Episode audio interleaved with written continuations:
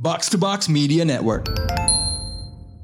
Lisir wangi Seliramu tumaking sirno. Ojo tangi kanmu guling Awas jok ngetoro. Aku lagi bang wingo wingo Kang tak utusi Dadyo sembarang Wojo layu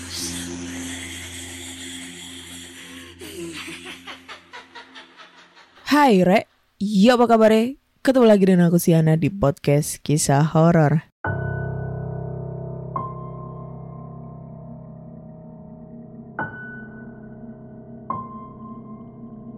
Langsung aja kita bacakan cerita horor yang udah masuk ke email. Dan cerita kali ini berjudul Kuntilanak Merah. Hai Kak Ana, kali ini aku akan bercerita tentang pengalaman aku di pabrik tentang kuntilanak merah. Kejadian ini terjadi di Depok tahun 2013. Hari pertama, saat itu di pabrik sedang ramai dengan gosip, rumor, dan isu. Hal itu dikarenakan ada salah satu karyawan yang melihat kunti berwarna merah di area pabrik. Selanjutnya, berita itu menyebar ke telinga sekitar 500 karyawan yang lain. Saya mendapat cerita dari salah satu karyawan senior bahwa Beberapa tahun yang lalu pernah ada yang melihat kunti merah muncul dan setelah kemunculannya kemudian timbul beberapa kejadian karyawan yang mengalami kecelakaan kerja. Karyawan di bagian saya sudah mulai resah, terutama yang masuk sore hingga malam, shift 2 dan shift 3. Tapi saya selalu berpikir dengan logika bahwa kecelakaan itu murni dari kelalaian pekerja dan lingkungan kerjaannya. Bisa jadi dia mengacuhkan prosedur keselamatan dan kesehatan kerja, atau dia bekerja tapi pikiran tidak fokus karena melamun atau memikirkan banyak hal di luar pekerjaan.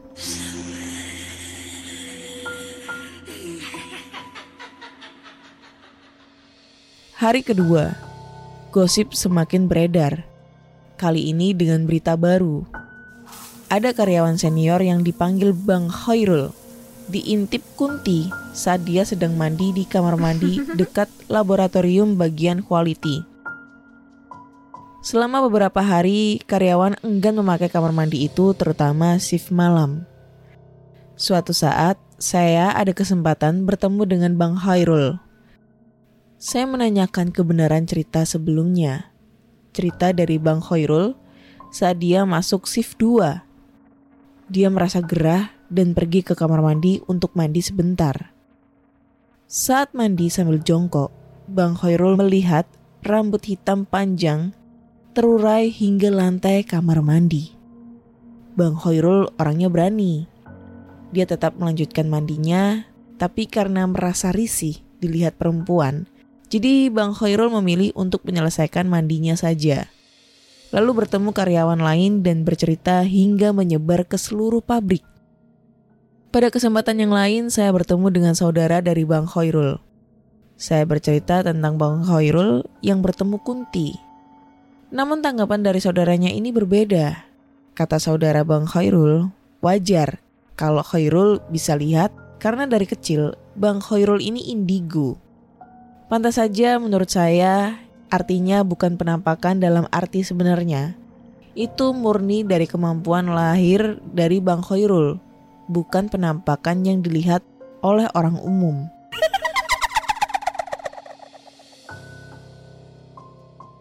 Hari ketiga, shift 1, memasuki pabrik dalam keadaan heboh. Karena ada karyawan shift 3 yang kerja malam sebelumnya melihat kunti merah terbang sepanjang line mesin sampai beberapa karyawan yang melihat itu. Sepanjang hari itu karyawan bagian dikas bekerja dengan cemas. Imbasnya juga pada karyawan bagian melting yang menyuplai kebutuhan karyawan bagian dikas. Karyawan bagian melting lebih memilih kabur ke bagian lain dan hanya muncul ke bagian dikas bila barang benar-benar habis. Malam harinya saya dapat kabar dari leader shift 2 bagian saya bahwa ada kecelakaan kerja di bagian dikas. Ada satu karyawan, tangannya terjepit mesin dikas saat sedang setting mesin. Telapak tangannya tertembus pin baja beberapa karyawan harus memberanikan diri membantu melepaskan pin itu dari telapak tangan korban agar memudahkan dibawa ke rumah sakit.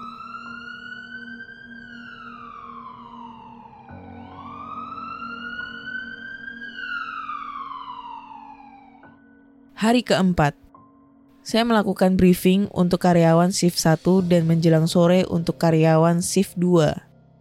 Intinya mengingatkan semua karyawan untuk berhati-hati dalam bekerja. Berdoa sebelum bekerja, fokus dan mematuhi prosedur. Malam harinya saya mendapat kabar kembali bahwa Pak Ayong, karyawan bagian gudang, melihat kunti merah di area gudang. Ruangan gudang menjadi satu dengan bagian saya. Memang ruangan itu agak sepi, karena penuh dengan karung material dan kurang nyaman karena tidak ada penyejuk udara. Biasanya ruangan itu digunakan oleh beberapa karyawan yang kabur untuk tidur, ngopi, atau main HP. Sejak menyebar cerita penampakan itu, beberapa karyawan pindah mencari lokasi baru untuk kabur, yaitu di WC. Hari kelima, saya sengaja menunggu di gudang hingga shift 2, menanti kedatangan Pak Ayong. Tepat pukul 15 lewat 30, Pak Ayong datang. Sudah ada beberapa karyawan lain yang menunggu cerita langsung dari sumbernya, yaitu Pak Ayong. Menurut cerita Pak Ayong, menjelang akhir shift 2 sekitar pukul 10 malam, Pak Ayong masuk ke gudang untuk mengambil material. Di situ Pak Ayong melihat perempuan berbaju merah sedang duduk di atas karung. Kakinya menjuntai berayun-ayun. Kunti merah itu sedang menyisir rambutnya dengan jari-jari tangan dan wajahnya memandang ke arah lain. Melihat hal itu Pak Ayong hanya berucap permisi lalu kunti merah itu menghilang. Menurut saya hal itu luar biasa, belum tentu saya bisa seperti itu. Kalau saya di posisi Pak Ayong mungkin lebih memilih mundur teratur dan kabur. Oh, permisi.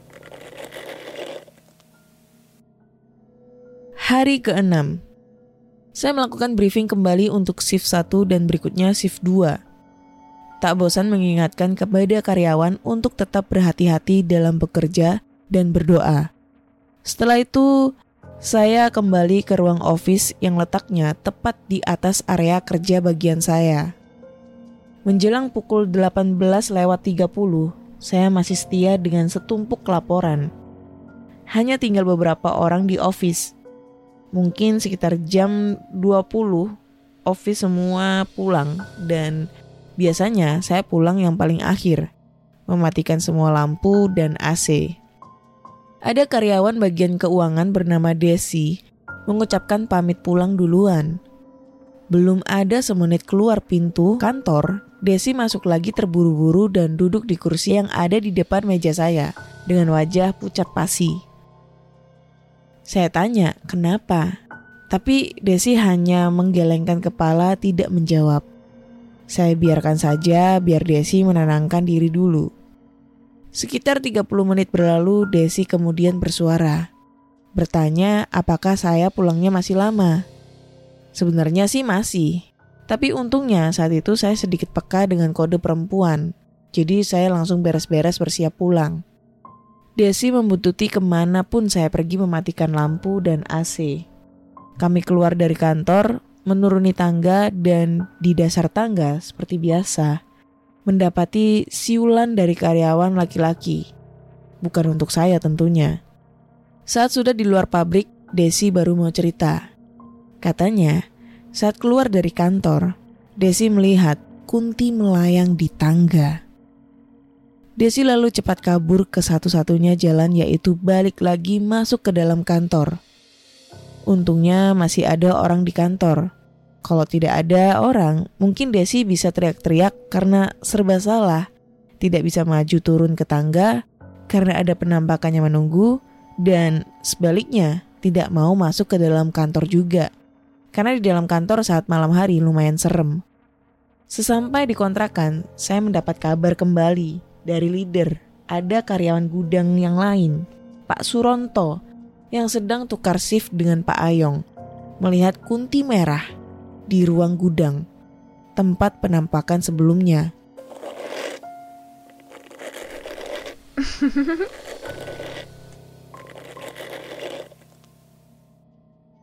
Hari ketujuh, cerita penampakan sudah menjadi trending topik.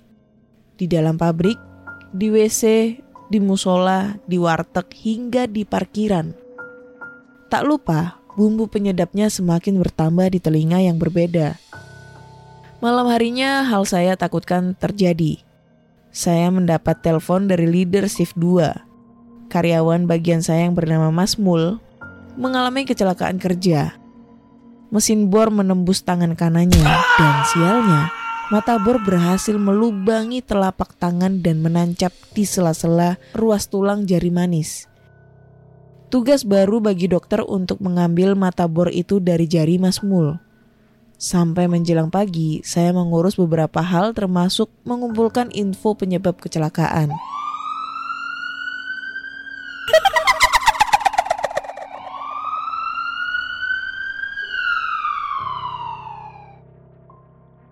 Hari ke-8, saya briefing kembali kepada karyawan bagian 1 dan 2 di waktu yang terpisah.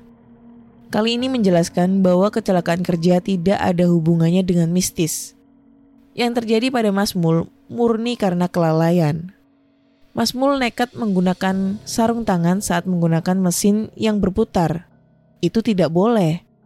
Karena serat sarung tangan dapat terlilit masuk ke dalam putaran dan menyeret tangan masuk ke dalamnya namun ada juga yang bilang Mas Mul bukan pertama kali nekat memakai sarung tangan dan kali ini sedang apes. Terdapat beberapa keluhan dari karyawan yang masih mengaitkan dengan mistis.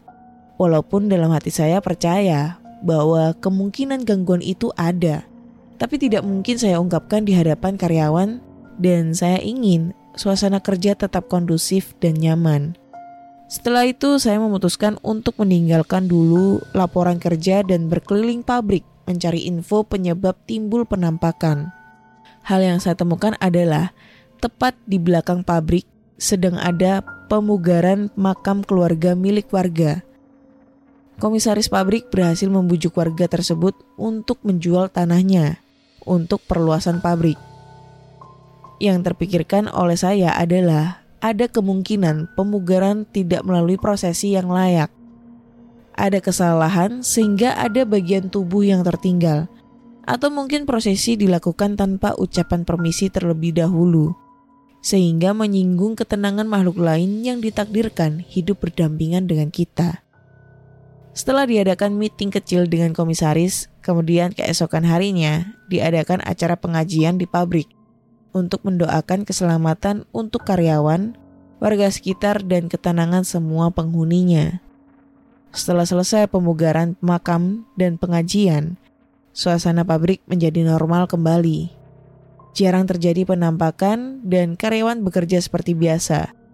Karyawan yang menjadi korban perlu beberapa waktu untuk istirahat total hingga siap untuk bekerja kembali di kemudian hari.